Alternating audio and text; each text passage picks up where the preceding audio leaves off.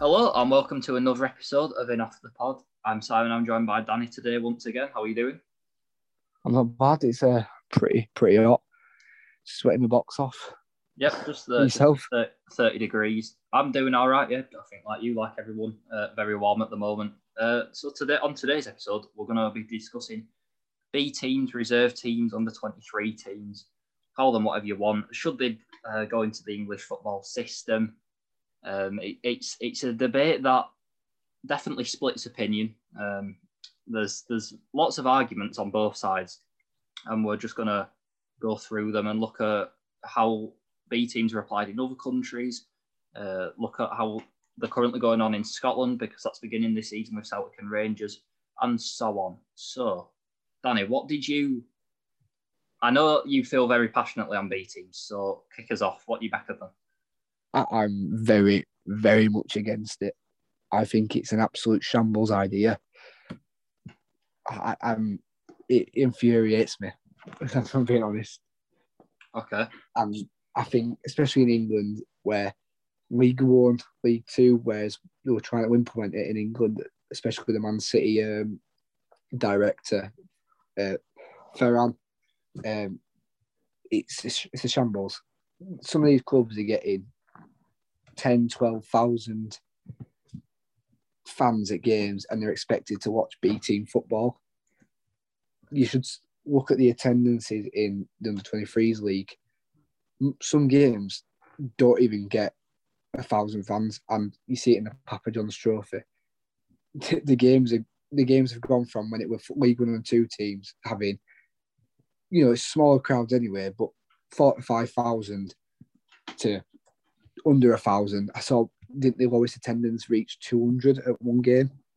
Yeah. so much stupid like that. It's it's an absolute farce. These fans, some of these clubs like Portsmouth and Sunderland, Bradford, um, Bolton, these are big clubs in these divisions, and the Premier League clubs expect them to watch B team players and under 23s football because it aids them and not the EFL. Yeah. That's my opinion. well explained. Yeah, the attendance thing, I can obviously understand why they are so low, but I, just, I find it interesting that like Papa John's Trophy attendances um, get very low numbers. But yesterday I was at Guiseley versus Everton, and there were at least 500 to 600 Evertonians who travelled across solely to watch their academy play in a friendly. But you can almost guarantee that they wouldn't do the same thing in a competitive fixture. Um, that's probably just because uh, unbelievably warm day. Football's back after 16 or so months, but I do think people are interested in academy football. Um, but as you say, it just it doesn't translate into attendances. I agree that you can't you can't insert them into the league system because it is insulting to the clubs like, as you say, the Sunderland, Bolton um, this season, Sheffield Wednesday, and the rest. But it's what I guess it's what English football's built on, isn't it? Really, in terms of how um, we've got all these different professional teams up and down the country. We've got 92, whereas in in Spain they've only got two professional leagues. In Germany, I think it's two or three. You know, that's what that's what English football is, and I I I, I do think in terms of developing young players for Premier Elite Premier League clubs, Category One academies having these teams in the in the EFL would be beneficial. But you just can't. It's not worth. It's not worth doing it to rip apart the the prestige and the heritage of the football league system.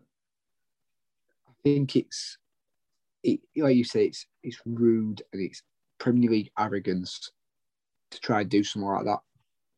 Uh, can we just bear in mind this has all been sparked off probably because of the the Celtic and Rangers being introduced into the Global divisions um, in Scotland, but it's different there. Like, like you said, we have we have 92 and more. We have National League clubs that were professional. Um, who are classed as a conference division, or people will still call it. And there's professional teams in that division, whereas Scotland is 12, and I think 20, I think 22 professional teams. I, I want to say maybe 20, and these teams will get massive boosts of especially in these early fixtures, because like they, they played yesterday, did Celtic Range, Celtic and Rangers B team. Um, ben Rose, I want to say, and I can't pronounce the team Celtic played, but the, their fixtures start earlier than the SPL. Yeah. So they'll see benefits of fans coming to games because fans will want to come and see the B team because there's no else on. They haven't got uh, other fixtures to watch and they'd rather see competitive football and friendly. But when the league starts, those numbers are going to drop again. But in a sense, it doesn't really matter because these clubs aren't used to big attendances. So if they get a few more who can't get to Celtic and Rangers games, it's going to benefit them. In the English football pyramid, we don't have that problem. every team has fans. Even Morecambe have 1,200 every week, and they'll have yeah. more this season after promotion. It's just Premier League arrogance. And if they want to benefit their players more, send them out on loan to the EFL clubs. Like you've seen it with Brennan Brennan Johnson from I know he's not a Premier League player, but he came from Nottingham Forest and look how much he's developed this season. Um, look at his Lincoln teammate Morgan Rogers. That, that, that was my next person to bring up, Morgan Rogers. Um, he's he was standout. Harvey Elliott. The EFL produces talent, and it benefits players. But but let's be honest, they're only a small handful that actually make it in the EFL as well. Yeah. Like so many come and so many fail. And I can see where they're coming from with like, all right, it's better for player development, but what about the EFL clubs who've got academies of their own? Um, Sunderland, uh, Sunderland, Birmingham, I think are going for Cat One, or Birmingham definitely are going for a Category One. Yeah, Nottingham Forest are, Sunderland already are. Um, yeah, Swan, Swansea have recently gone from Cat One to Cat Two, but Burnley, Leeds, and Palace in the Premier League have all upgraded. So that's... yeah, so that's what I mean. So there's Cat One academies there, and these are EFL clubs, so they've clearly got talent. Like it's not like they are trying to produce their own talent. You've seen that with Bradford this season. I know we're not a Cat One team, but Reece Staunton, Kian Scales, George Sakura all getting first team contracts and extending them and they're getting minutes in the league. Yeah. Why why why should we take a Premier League goalie to benefit a Premier League team that we will actually see in the future and develop them when we can develop our own? And I get that goalies are integral to football league teams because it's players that we need and they obviously help. But at the same time, when we've got our own academy players, why should we develop others for not our benefit? But then, where do you stand on the argument that each loans to the EFL that's basically built the current England team? Um, in the sense of Harry Maguire, not. Sheffield United, Hull City, Wigan, um, even Jordan Kyle Pickford. Walker. Jordan Pickford had his loan at Bradford and started in the National League. I think Pickford had, had like Darlington, Carl uh, Bradford, Preston, something like that. And there's uh, so many more. You know, Dean Henderson, Kalvin Phillips, Jack Grealish. You know, we've all spent this time, not all as loanees, but they've all been in the EFL. I have no problem with loaning players to football league, but at the same time, I also feel like it's unbeneficial for our youngsters, like in the EFL. Like, like you said, we, they have produced Ollie Watkins, Ethan Ampadu, Kyle Walker, Harry Maguire. Like, there's some big names that have come out of the EFL teams, and we, kind of we kind of choose them over players from other clubs, and I think it's such a modern day football thing. But like, for example, Man United, they've well signed Jadon San- Jadon Sancho for seventy million. Great signing. We all agree with that. It's a yeah. good signing, but at the same time, they have Amad Diallo, who spent 40 million on, he's now just going to be put to one side. Probably um, going to get loaned this season yeah, yeah, Facundo Pellistri that signed and is not going to feature at all. Anthony Elanga, who come through the, re- the reserves, probably not going to feature at all. Like they've got Shola Shoretire, probably not going to feature now.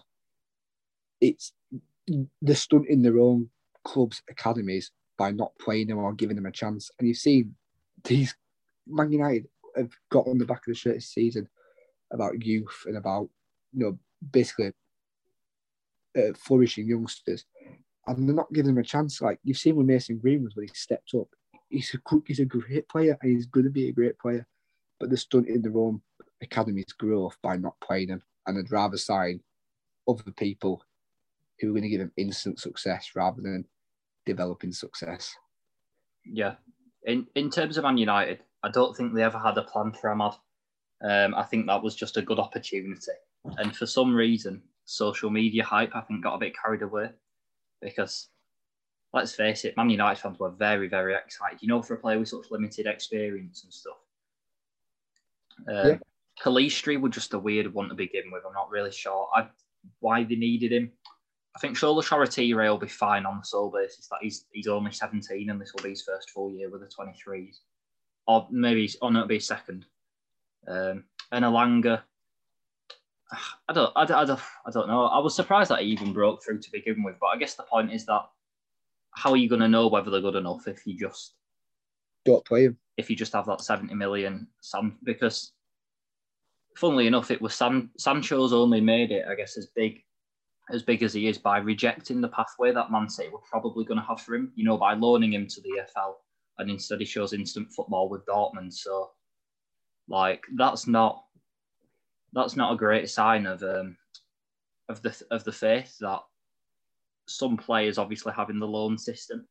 I was very surprised when Harvey Elliott got loaned to Blackburn because although a lot of players go out on loan and and do make it back into the first team, and there's, there's countless examples, usually, particularly for top top clubs, you either you know break through straight away, or if you go on the loan route, it's then extremely hard to come back and and make it. So that was why I was surprised Harvey Elliott um, ended up going away, but he went off and had a, a, a season with Blackburn, probably better than than most people expected. But mm. I'm just thinking, if you top clubs, Trent at Liverpool never had a loan, Rashford never had a loan. Um, you know, like Bukayo Saka never had a loan. Although at Chelsea, obviously Mason Mount had each Vitesse and Derby ones. I don't know. I guess there's no there's no singular way to develop players, and some some players will thrive on loan, others will get lost in the shuffle. Um, I, have you heard the, the, the, whole thing about Aaron Wan-Bissaka and he was about to get loaned to League Two? No. Have you not? So, yeah, um, he was knocking on like Roy Hodgson door saying like, I want uh, end of January window. I want a loan to League Two for the end of the season just to see what I can do. But I think I read that the Crystal Palace were reluctant because they didn't trust the League Two club to handle his development, or they couldn't guarantee that they'd play him. And then within like a month, he was a first team regular at Crystal Palace. So I think a lot of Premier League.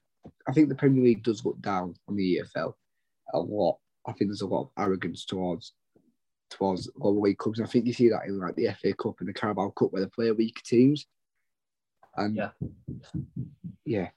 Like if one if Wan-Bissaka had gone on that League Two loan, chances are the season after he'd have been in League One and then the season after that Championship, he definitely you know wouldn't be a fifty million pound player in Man United starting right back. So, I guess in that way, that's that's probably evidence against the loan system. But then it benefits other players so massively, it is really hard to know where to where to stand on it. I guess. Yeah, I think um, I think players' mentalities have changed though. At the same time, I think players are happy now to stay at the parent club and earn ten bags a week and not play men's football but play twenty threes and win trophies in the twenty threes, which in all honesty don't really matter. And they're happy with that. They won't go out and test themselves in men's football. Like you said, some players probably do. Some sometimes might be the clubs. I think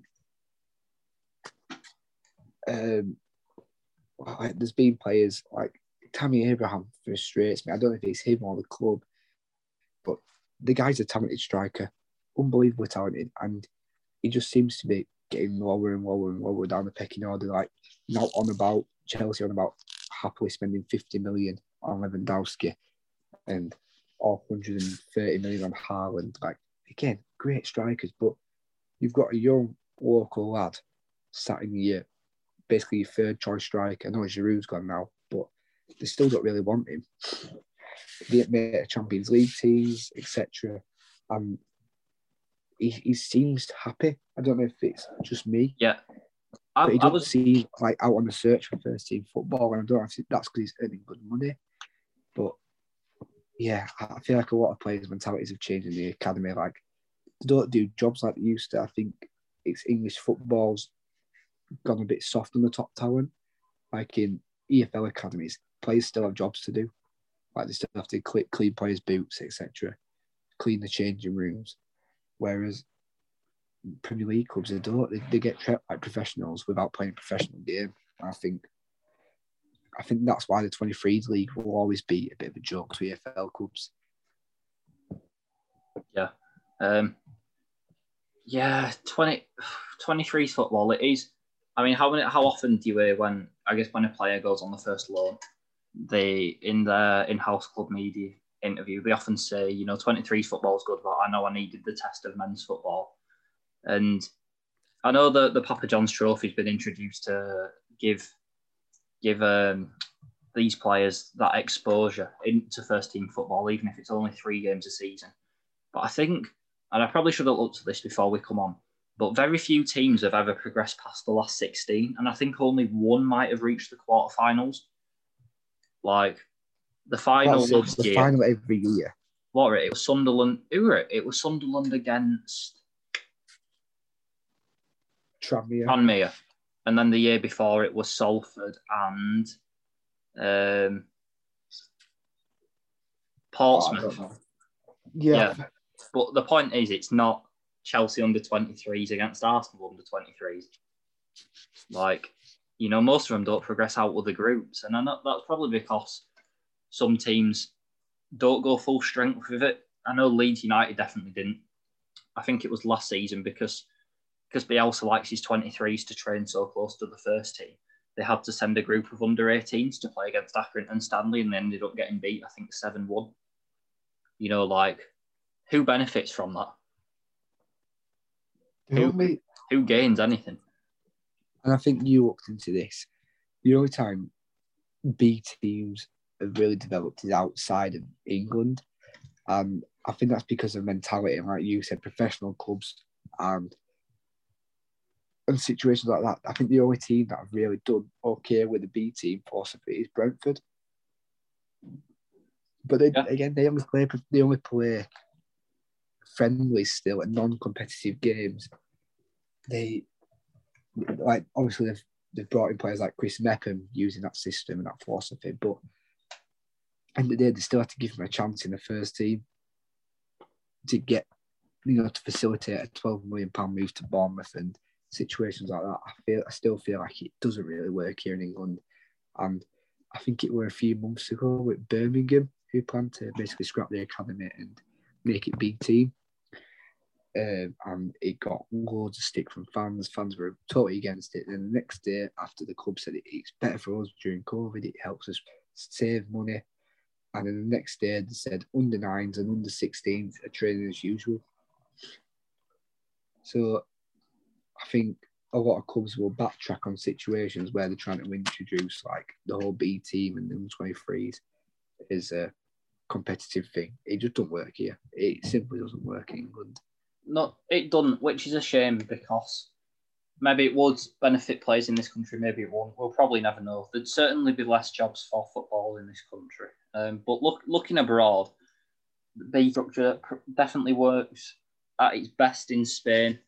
Um, it says on a really good article on goal, uh, goalprofits.com that in Spain they've got uh, 60 active reserve sides across the Football League system and they allow them as high as the Segunda division. But obviously, you can't play in.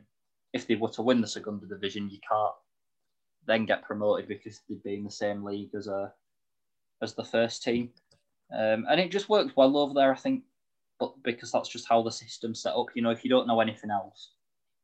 Um, I think it also helps in Spain that they don't have a well, obviously they have a football fan culture for home games, but they don't have a football fan culture for away games.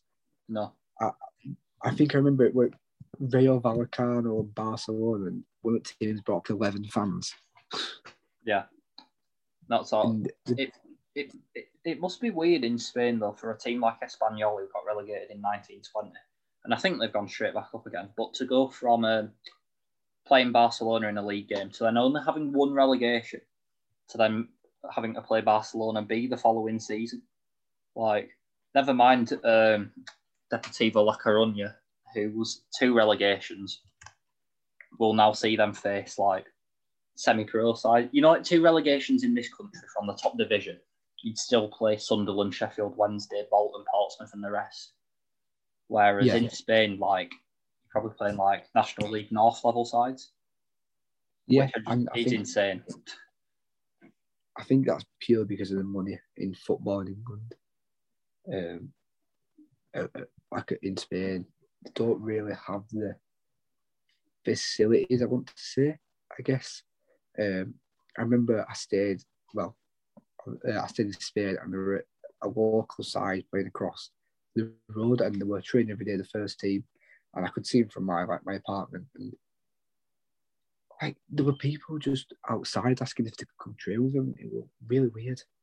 Well, I don't know what they were. I don't know if they actually were a local side in football league, but the um, it, it, it was strange. I don't know if they're like a like a national league club at that level. I'm, I'm totally not sure, but they were they were trained professionally. Like it was during the day, it wasn't like a, a Tuesday night training session. It was during the day, which I found a bit strange. Um, and I can't remember what team they were called, but I only like 14, but I always remember it uh, very weirdly because you could go onto their pitch, training pitch during like after they train and just kick a ball around with it. Like there were kids on it all day. So they don't really have the money and facilities, the training grounds, not like that that we have over here. yeah. In in other countries, it's also applied. Germany's pretty similar, um, except they can't go any higher than the third division and they don't compete in cup competitions. Portugal have a load of a load of B teams in their second division, and there was even a time when I think like their B teams, I think like Porto, Benfica, Sporting, one of them won the the second division, which just kind of indicates that outside of the top flight and especially the big clubs, the quality just isn't there. So they do need the B teams to uh, to support the football league system, which I guess is the main difference between English football and everywhere else. That outside of the top flight in a lot of a lot of uh, countries, the quality just isn't there to to have a, a proper first team football league system. Like they're reliant on these B teams.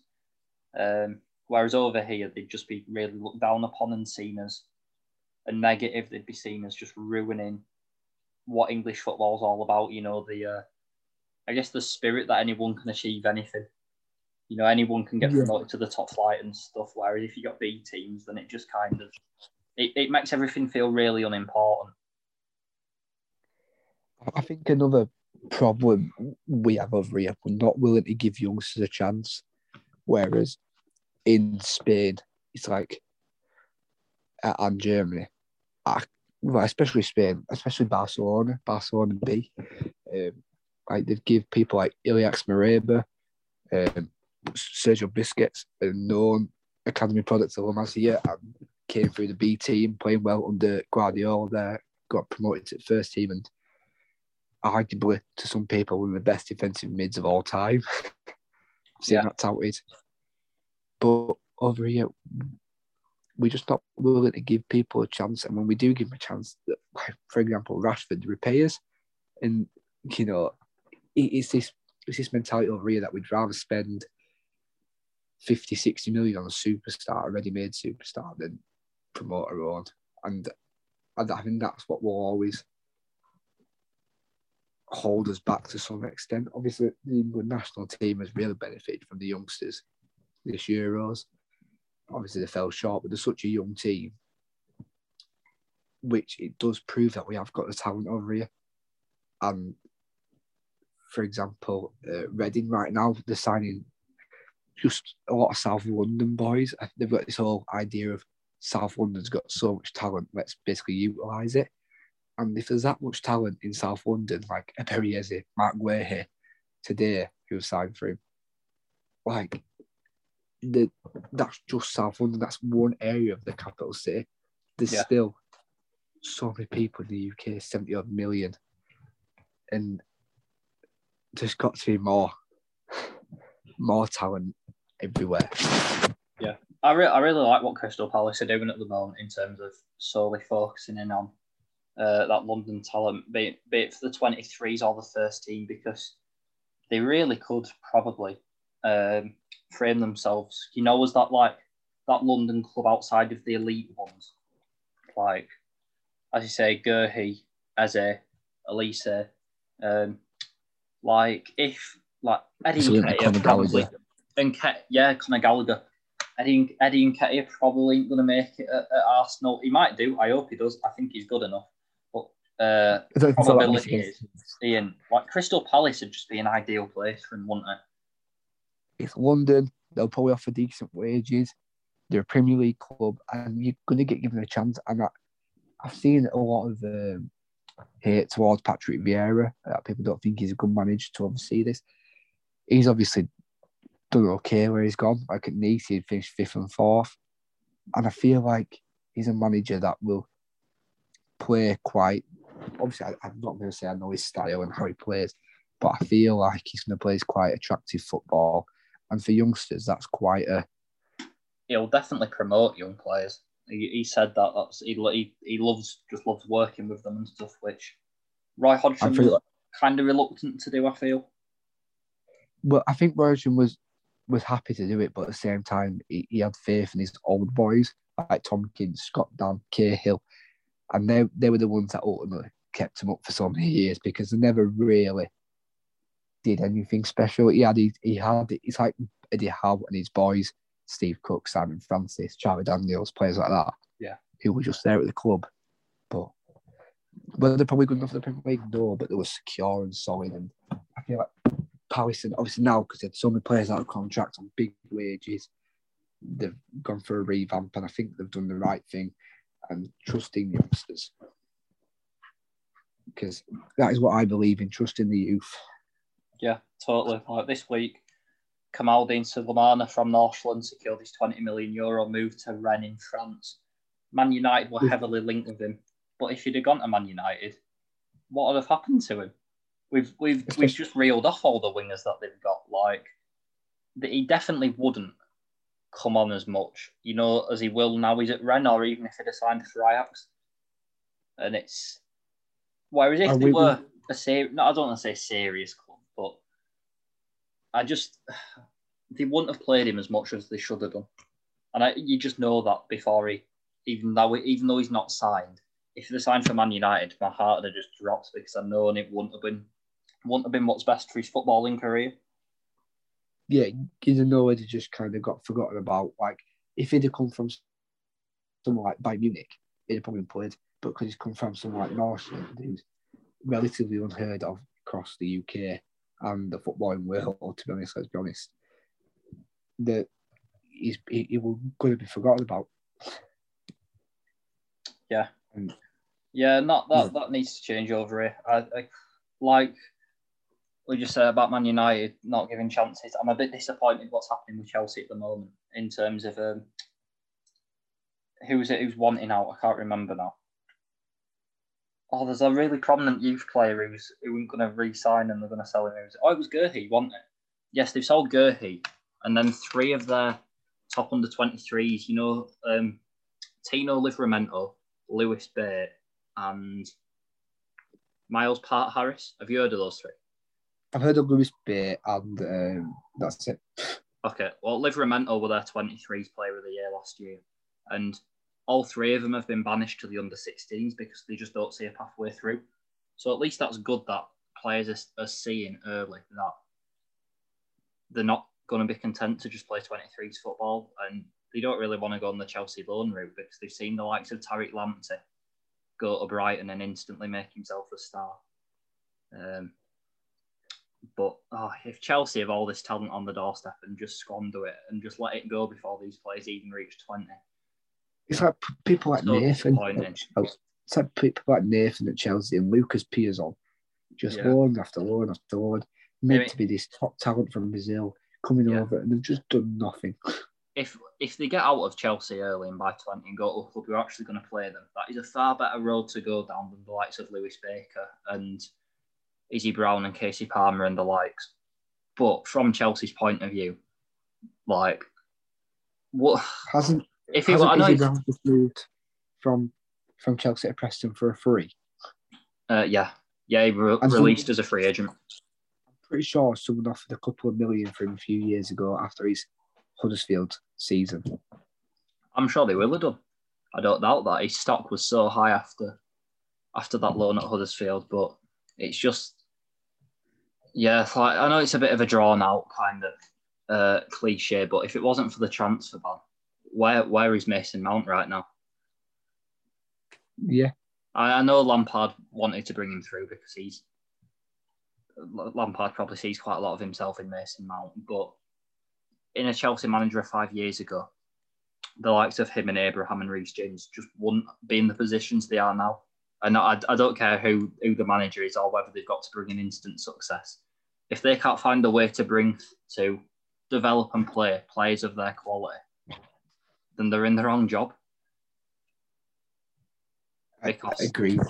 if, because if world class talent's there, but you don't want to use that to your advantage just to gain a couple of extra wins in a season, that comes at the cost of developing young players. I don't know. That really irks me because I still feel like in the UK we've got a long way to go in that sense compared to the rest of Europe.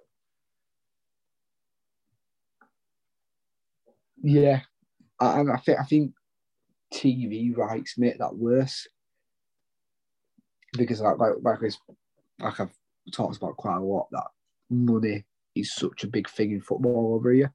Oh yeah, like you can't afford to lose. You can't afford to make these mistakes. Yeah, I think the clubs put people in charge that are going to make them more money rather than develop players who probably could earn them double the money.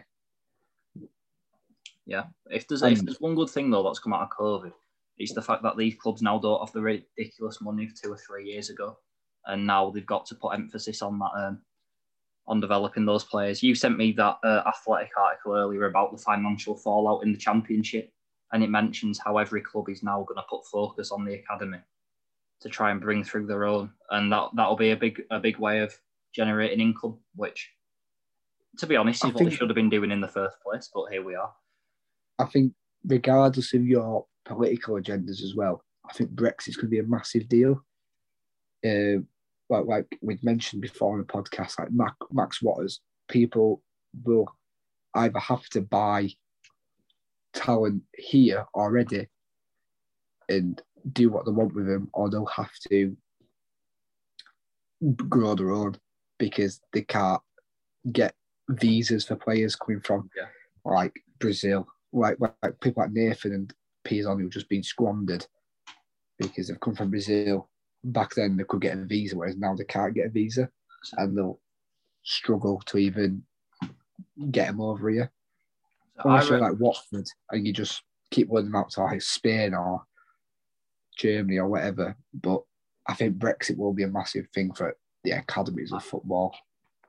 Yeah, I, I read somewhere that now it's Brexit. It it makes it a lot hard, a lot harder to sign players from Europe, but it actually makes it easier to sign the ones from South America, um, and that's kind of been seen already because Brighton brought in that Mo- uh, Moises Caicedo um, from Ecuador because he'd already played like three times for the national team of something, and he had um, oh, he had Copa Libertadores minutes, which gives him enough points for the work permit.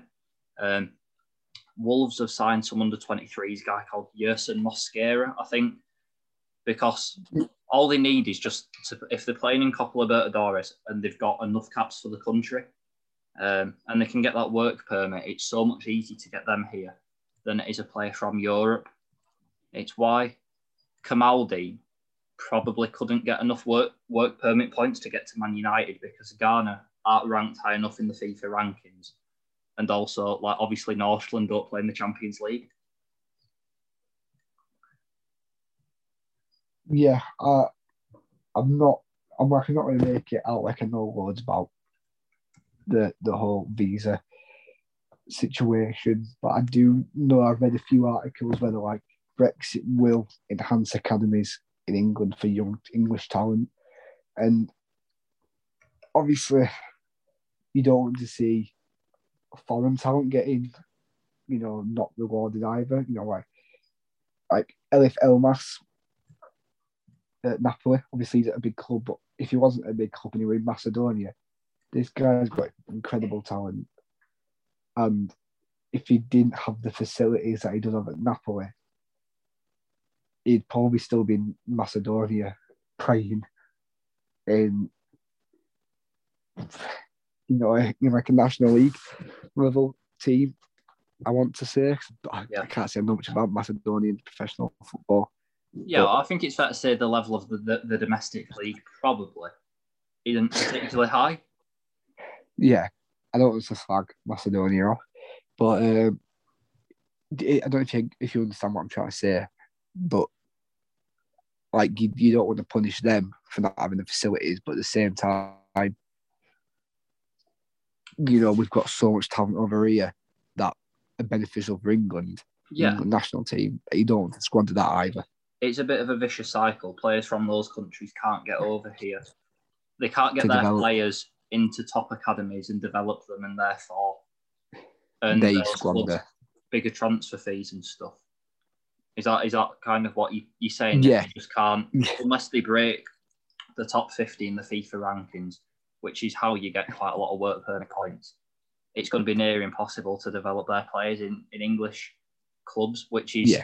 what a lot of a lot of players dream, don't they? Of coming to England and signing for some of these prestigious clubs like Man United, Liverpool, and that will just be totally off the cards now. Whereas because of Brexit, it's now opened doors to, to other to other other areas like South America and, and other countries that have uh, their national teams in the top fifty. So yeah, it's going to be yeah. interesting over the next five to ten years to see how, I guess, acad- academy football looks and the makeup of it in terms of how many European players.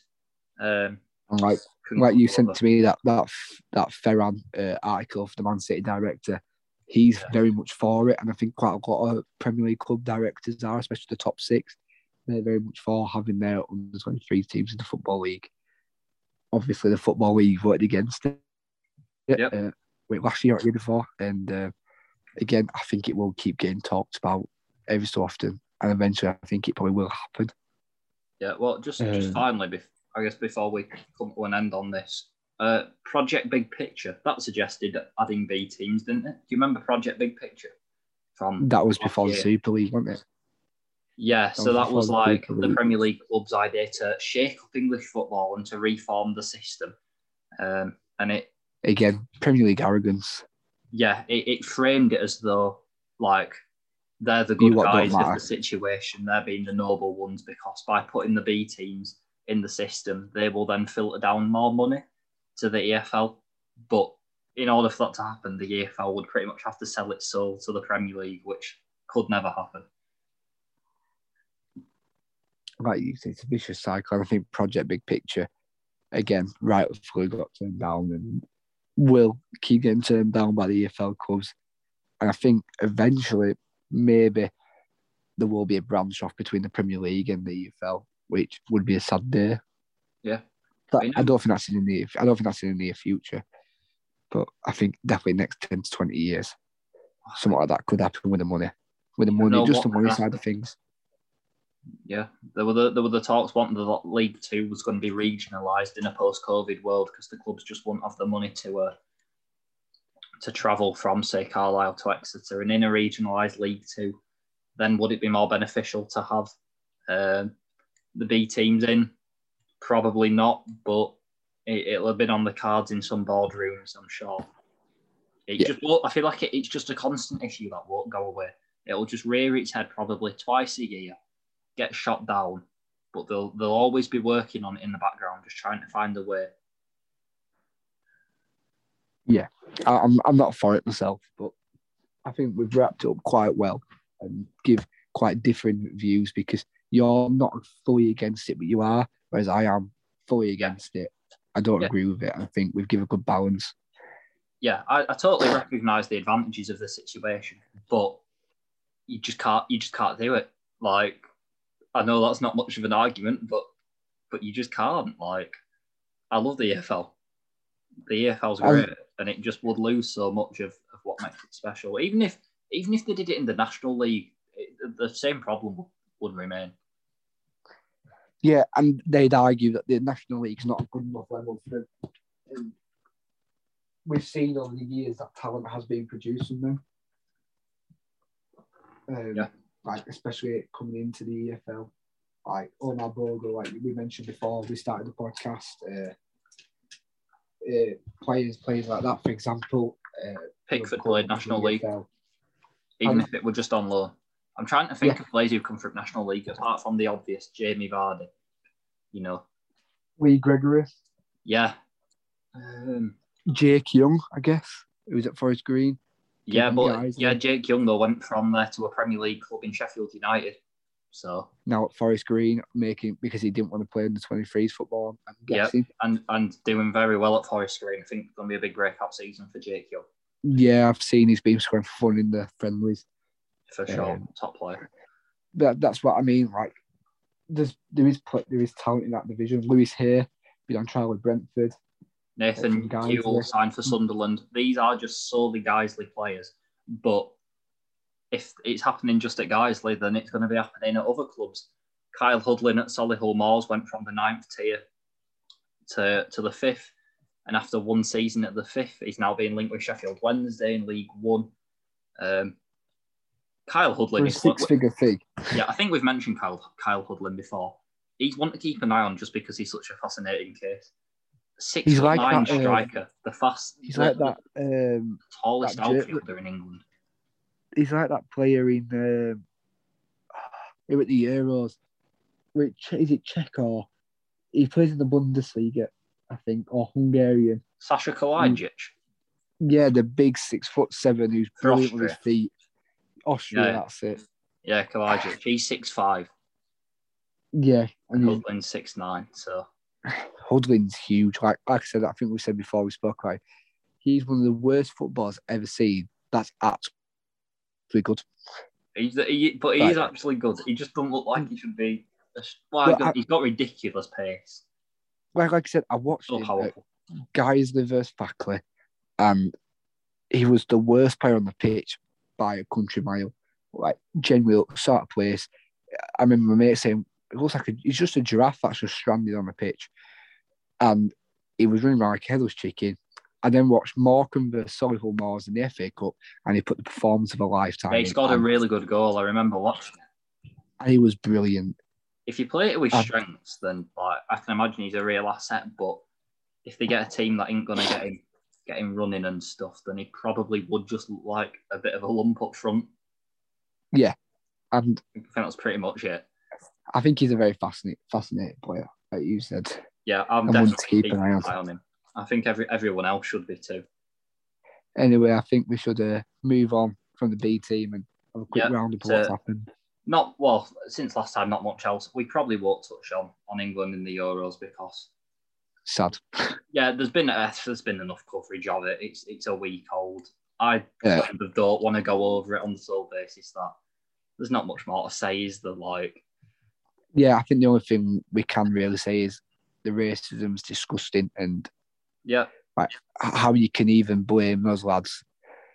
yeah, but you Um, can't. You, you just you did just know it though, didn't you? Yeah. I actually I thought during the penalties I went I know what's coming in and I'm not gonna lie. yeah, you, And- you, you knew it. You knew it would happen, and that's a sad reality. And I think that's such Yeah. a. I think it is men- like worth mentioning that we, like it's disgusting. yeah, that and alongside the actions of everyone outside Wembley prior to the game um, have massively clouded, put a massive a bit of a cloud over that day, which should have been one of win or lose a celebration for English football. Um, Yeah. On the topic of the events that happened outside Wembley that day, because they've kind of dent uh, put a dent in the hopes of of the UK The 2030. 2030 World Cup, which is now rumoured. Well, not rumoured to be heading to. No, have you seen? So the Athletic reported a couple of days ago, Oh, leading the Is it race. Saudi Arabia? it is Italy and Saudi Arabia. which is the weirdest. And somebody else is supposedly coming in on it as well to make a third joint Make a third I- one. I ain't well, seen it's it. like it's like a it's like a tra- trio, uh, and I can't remember. It's it's it's not. It, it's it's just like a nation like um like Saudi Arabia, and that's not Middle very East. well. Yeah, and I can't remember who it was. Yeah. It's, it's getting mine. It might have been a bogus story to be fair, but I definitely saw the Saudi Arabia and Italy one on the athletic. But yeah, Italy and Saudi Arabia. What a fascinating World Cup that would be. and Probably a terrible one. Um, Yeah. Because in Italy, you'd have. Well, it'd be great, wouldn't it? Italy's Italy. But Saudi would probably just. Well, it'd just be I like think it- Qatar, wouldn't it? Like, although they are saying out there that the Saudi Arabian money would allow Italy to pump a load into, into like regenerating their stadiums because they a lot of them haven't had much work done since like Italia 90 and stuff. So I I think think- some good would come of it. I think it's, the World Cup in Italy would be dreadful, purely because they hate everyone, and they're also a massive racists themselves. Like not all Italians, obviously. I'm not saying all Italians are racist, but obviously they've had so many ra- Yeah, they've racial got a problem problems. with it in their country. We've got a problem with it in our country, but I feel Yeah, like yeah. over there it, re- it rears its head. It it shows up more actually on the pitch in games.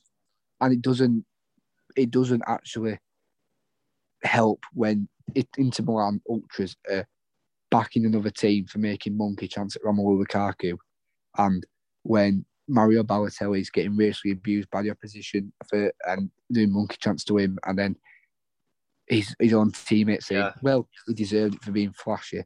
Like, Yeah, I remember. I remember the um the Moise Kean when he got abused, and then like I, I think like Bonucci said, well, it was a 50-50 Yeah. split of the problem. I was like, you'd not meant. I could when he scored against England and he celebrated, I couldn't shake that out of my mind. Yeah, like, it, it's I think obviously the whole of Europe has a racial problem. That that's that's not something we really want to be touching on because obviously I don't want to get facts wrong. I don't want to like say things that are going to offend people because I'm not that kind of person. But at the same time, like Europe has a massive racial problem. But then it's like you go to Saudi Arabia and they've got human rights problems. Yeah. And like like we've seen with Qatar, like there's they're getting hundreds of people, workers from these poorer nations and basically killing them because they're making them work third world 14, 15 hour days in 60 degree heat with no water and poor food and poor. Un- unsafe working conditions. If you see the Um, Yeah. some of like the scaffolds and stuff, they're going up for the stadiums. It's, So it's it's kind of a, it's kind of racist versus human rights basically for Yeah. that World Cup. And that's not one I'd like to see. Obviously, Spain and Portugal are going for it as well. And I think that would be probably the, I'd like it over here, but I, I can't see it happening now. Um, and I think Spain and Portugal is a for England. It's probably beneficial. Cheap flights, um, you know, cheap beer, which is probably not helpful either. Um, warm weather, again, probably not helpful. But at the same time, it will probably a bit of a safer place. Yeah. I- I'd No, like no, to say, even though even though Spain has massive racial problems and all this, I, I think it's I think it's going to be it's, it's hard to decide basically who you want. It is. It, uh, as you say, you just touched on the racist stuff, which made me reminded me that this. Um, I think yesterday Germany under 23s had a warm up game against Yeah. Honduras, and Yeah, I saw that and he got stopped. after after alleged racist use because you know everything's alleged until proven. Um, but uh, yeah, it just it just ain't good, is it? I just uh, I don't get it. I don't I don't know what more there is to, to say. It's just we're in the twenty first century. And if you if you're being racist or like like human rights and stuff like that, like fucking grow up. Yeah. Like how how can you be so close minded and fucking stupid? And we don't swear. I don't ever swear on this podcast, but you know. I'll have to put the, the, ex, the explicit sign on that now when I uh, when I upload it. Yeah, I apologise. It's it's just idiotic. Let's be honest. Uh, Um, yeah, uh, But anyway, enough of enough of uh, a Yeah. little rant. on uh, on to football stuff. Um, there's a bit happening in MLS. I know you've not seen too much of this at the moment, but uh, Atlanta United, one of the biggest, richest clubs in MLS, they've they had uh, MVP, former MVP Josef Martinez, best striker in the league without a doubt. And highly, highly rated. Tip for a thirty million move to where was it to Spain at one point as well? Probably somewhere. And he's coming off the back of an ACL injury. Two goals in seven games this season. Um, but whilst Atlanta United are already struggling this season, they've been very disappointing and they've got four players away for the Gold Cup with the countries. Uh, Gabriel Heinze has just decided to exile his best player, Josef Martinez, from the squad completely. And he's making him train on his own because one is seen, well, Martinez has got a bit of a reputation for being a bit of a, I guess, a diva in the locker, locker room. And Heinze is a bit of a dictator. And, and those two don't mesh. And it's not going to benefit anybody. I, I don't get it. Talk to me. I don't, I just, I don't, it baffles it's, my mind. It's a bit crazy to be honest. Like the MLS is it's a bit of a weird league. I don't know if like where you said Atlanta have been disappointing, but every week I see something like they'll win one week 3 0 and you're like, oh, starting to pick up some form. And then they'll lose next week to like Austin. And you're like, what? Like the league's so weird. And to exile your best player in a time of such disastrous form that they've been on. Like they haven't been great, and it's it's just strange. And Gabriel Heinze is crazy. That man is crazy. I, I, just, don't remember. Do you remember when he when he played for Argentina and like the cameraman was celebrating with a goal? I always remember the video of him, and like the cameraman hits him back, so he's like apologising. He just goes and like pushes the camera out of the way, and like shouts at him. It's like he's just a crazy man. I remember him being at United and being an absolute lunatic as well. No, I didn't. I didn't but, see this. Um, but like, I try to find it. I'd have just thought Atlanta would have learned from what's already happened this year because Toronto, another big MLS hitter, um, a bit, we're having a terrible season. Got beat by seven one against DC United.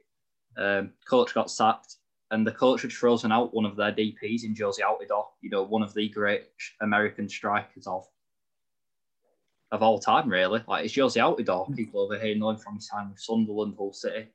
Um, and interim coach Javier Perez has brought him back into the starting 11. And he scored on his first game back last night against Orlando. Like, I just don't understand why any.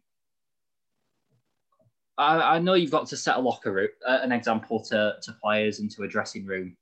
Um, that player power, they, they can't have control, but this doesn't end well for anybody. Do you know what I mean? Because Heinze isn't going to want to budge. But the, the I, front, I think the only person the only person that ends well for is Martinez. Yeah, well, his reputation will grow because the front office can't fire Gabriel Heinze because then it just shows that the players are in total control. Oh, it's a really yeah. awful, it's a terrible situation. It was it's just so needless. Some might have gone on behind the scenes that's not been reported, but at the moment it just looks just looks very silly. Um, yeah, but the MLS, like I said, it's a very interesting league, and it's going to get even more interesting with an absolute baller going to it, and that's Ryan Gauld. Yep. Well, Ryan Gauld heavily linked with uh, the Vancouver, Vancouver Whitecaps, White. who came off which a massive a very result weird, last night. Move. They beat they beat uh, the LA Galaxy two one, which I don't think anyone saw. Yeah, I saw that. But yeah, Ryan Gauld released by. Has he been released by Farense or is he? I just don't think he signed a new contract. Okay, yes, we're still with them, but yeah, I just don't think he signed a new contract, and I think it's such a weird move for someone who's in the peak of his career going to. act, It's a growing league, as the MLS. It's getting better, but yeah, well, the Whitecaps are, aren't the most fashionable club they've been they're away from Vancouver. They don't play entertaining football. They've not. They don't really have too many young players. Like they're just kind of one of the clubs that are just there at the moment. They're just they're just floating. Um, yeah, they've ne- they've never really done much in the MLS either. Like I don't I don't remember winning an MLS Cup or anything like that. No, they were a bit like the Houston Dynamo, but they've they've been they've had a takeover a couple of weeks ago. But you know, just like a team who ain't really doing much, they're just there just chilling. When the potential's there, to do something. Vancouver really were like Stoke of the Premier League till they got relegated. Yeah, I guess the only benefit of going to Vancouver Whitecaps is the rumoured 41 grand a week contract there. And obviously being a top player in that division. And obviously Vancouver's, I reckon, a nice place to live. yeah. No, it's one of the more. Uh, well, I think it is generally generally considered one of the best places cities to live in North America. Like that definitely goes into it. Like it just but it's weird that he was being tipped for a move to the to the Liga, uh, back to Scotland. I saw, I think it's every year he gets linked to Celtic, but I don't think there's any truth in that. But um, he's been linked to a fair few clubs. I think he got linked to a Championship club. Um, again, I can't can't put a name on him, but he seems to get linked to all these clubs, and then it's just a very strange move for his career because he's still only young. He's what, 23, 24? 25, I've just seen. Oh, 25. So he's still young. And but whatever contract he signs next, he's, he's the big contract of his career. He's got to go out there and perform out there and then um, and then try force a move back to Europe because he doesn't want to be like Carlos Vela, who goes out there does well, but now people won't touch him in Europe, and or he could be like someone like Axel Witsel, who might not get a big move to a big league till he's 29, 30. But I don't know how much of it is to do with his agent and him. Yeah.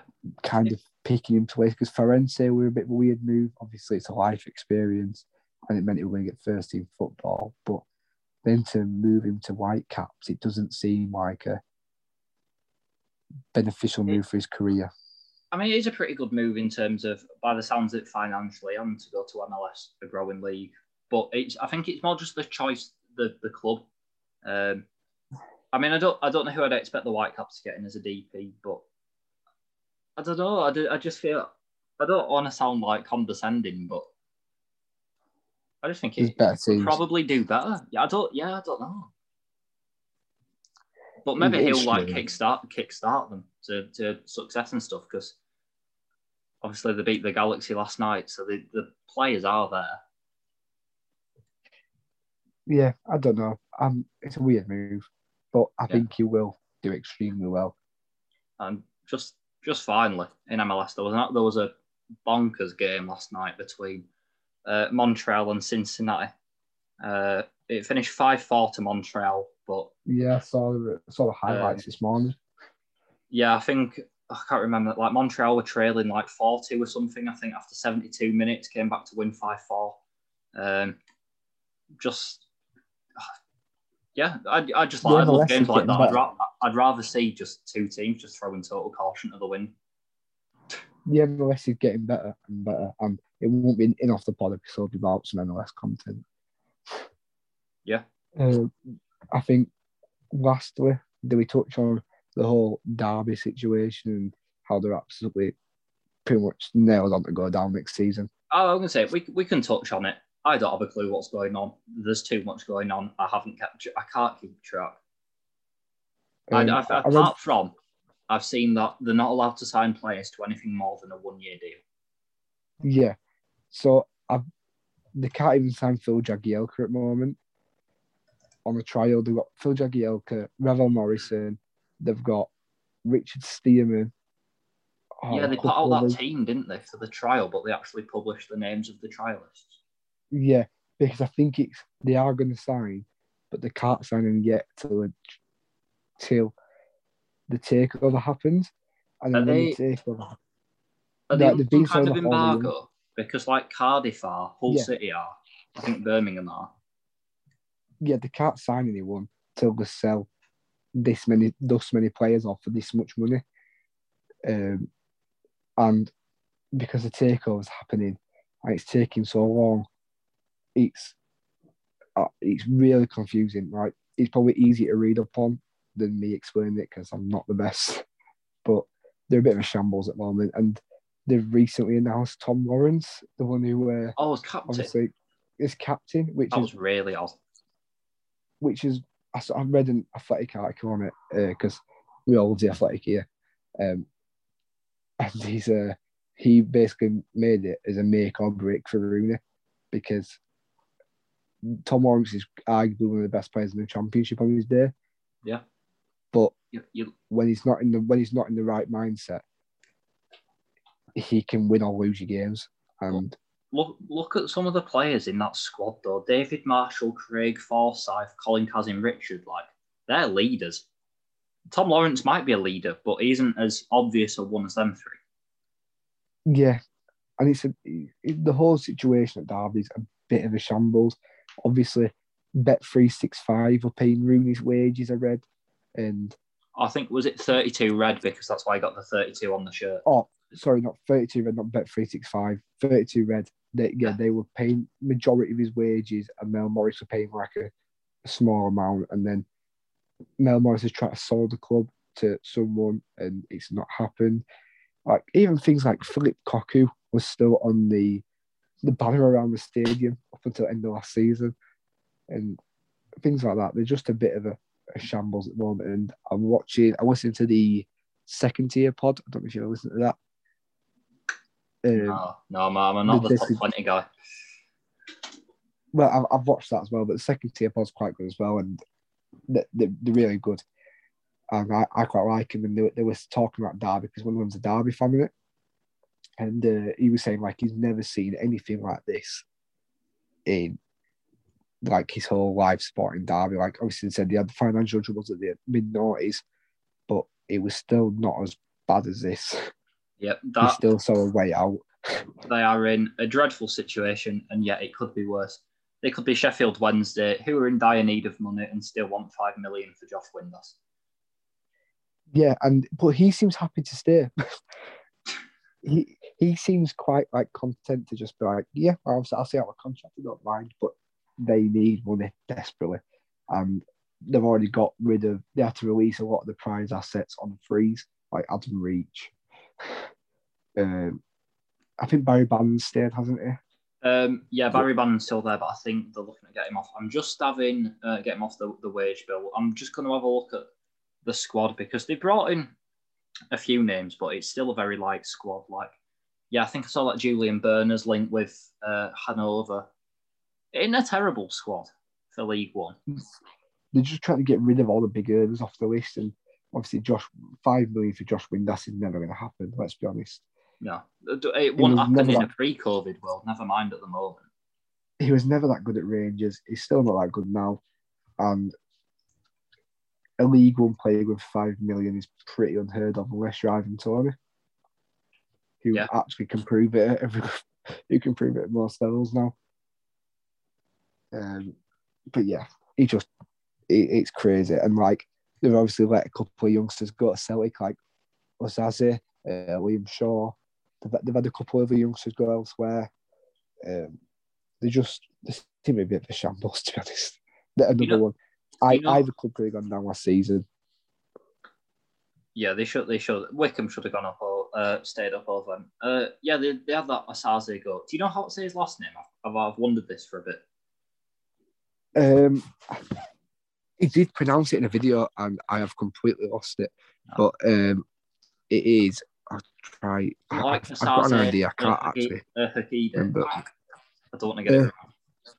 Not like uh, yeah. this, but I'm. Uh. Yeah, yeah, uh, idea. And he, he's done all right since coming in, but um, yeah, we'll see. But like, they've got they've got rid of a few assets already, and they still need more money. Yeah, they they're in trouble. Chansiri probably won't sell anytime soon. I don't think they'll be heading back up anytime uh, in the near future. I wonder whether the bookies have got them, you know, quite high up because at this point in a season, the bookies just tend to like put the biggest clubs as the favourites. Like Sunderland are always favourites to win League One, and they never get near. Um, Nah, just at the outright, yeah, see, Sunderland are again the favourites, and Sheffield Wednesday are third favourites at 10 to 1. Who's looking at that Sheffield Wednesday squad and thinking yeah, ten to one. they can win a league over teams like Lincoln and stuff? Who, Well, Lincoln might Well- struggle with the, the sad loss of Michael Appleton for the foreseeable future. which is obviously him. But yeah, Yeah. yeah, all right. Um, but I think we can t- we can touch on the EFL before the season and uh, talk about transfers there, a bit of a roundup of it, what we're looking forward to seeing. Um, but I think that should be it for this episode. yeah, we'll definitely do that in the in the next one. We'll probably do a, a bit of a predictions one. Um, maybe next episode, maybe in two episodes time, dependent on how many uh, We can get out. how many we get through. Uh, just looking at the the analytics quickly.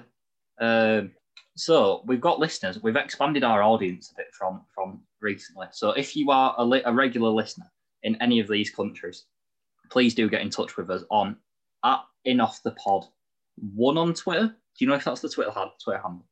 I will check now. It is Okay. at in off the pod one. Okay, that's the number one, not O N E. So we've got listeners in Switzerland, Trinidad and Tobago, Ethiopia, India, Trinidad and Tobago. South Africa, Greece, Norway, Germany, Denmark, um, here in the US. So we would love to hear from any of you. That and would, just, we'd that also listen, awesome. we'd also we'd also actually like to hear suggestions of teams and things you want us to talk about because it's quite hard thinking of stuff you're on your own. Yeah. Like we have ideas and things happen, which also helps, but it's you know when when when you have slow weeks like we have had the past few weeks in football, bar the Euros, which is quite a a rubbish thing to um, talk about because everyone's talking about it. Um, we'd like you quite like niche ideas. Maybe if you've got a team in Trinidad and Tobago. Yeah. you Uh, yeah, absolutely. If you're from any of those countries, or even the UK or the US, anyone just get in touch with us at in off the pod one on Twitter, at Simon J Bullock, Because we probably and I don't know at Danny Frost sixty seven. at Danny Frost At. Danny Frost six. And as as much as I don't sound like a YouTuber or any of these losers, right? I would actually like to start having some fan. Well, I say fan, some listener. Um, what's the word I'm looking for? You, you should know. Engagement. Engagement. That's it. Yeah, Yeah, that would that nice. would be great. Would But be it is awesome. nice to actually. It is actually nice to hear that we have people listening to this. Because let's be honest, we just talk shit. Yeah, it's it, it's an hour of, of pretty much ramble. Yeah, and I enjoy it. It breaks up my week. I get to talk about football with someone who I would like to say knows a lot about football. Um, and yeah, thank you. I enjoy it. No, it's good. I enjoy it as well. And as this podcast greens, uh, grinds to a screeching halt, we will probably call it a day there. Yeah. So thank you for everybody for listening. And see you in the next one. In off the pod one on Twitter, please.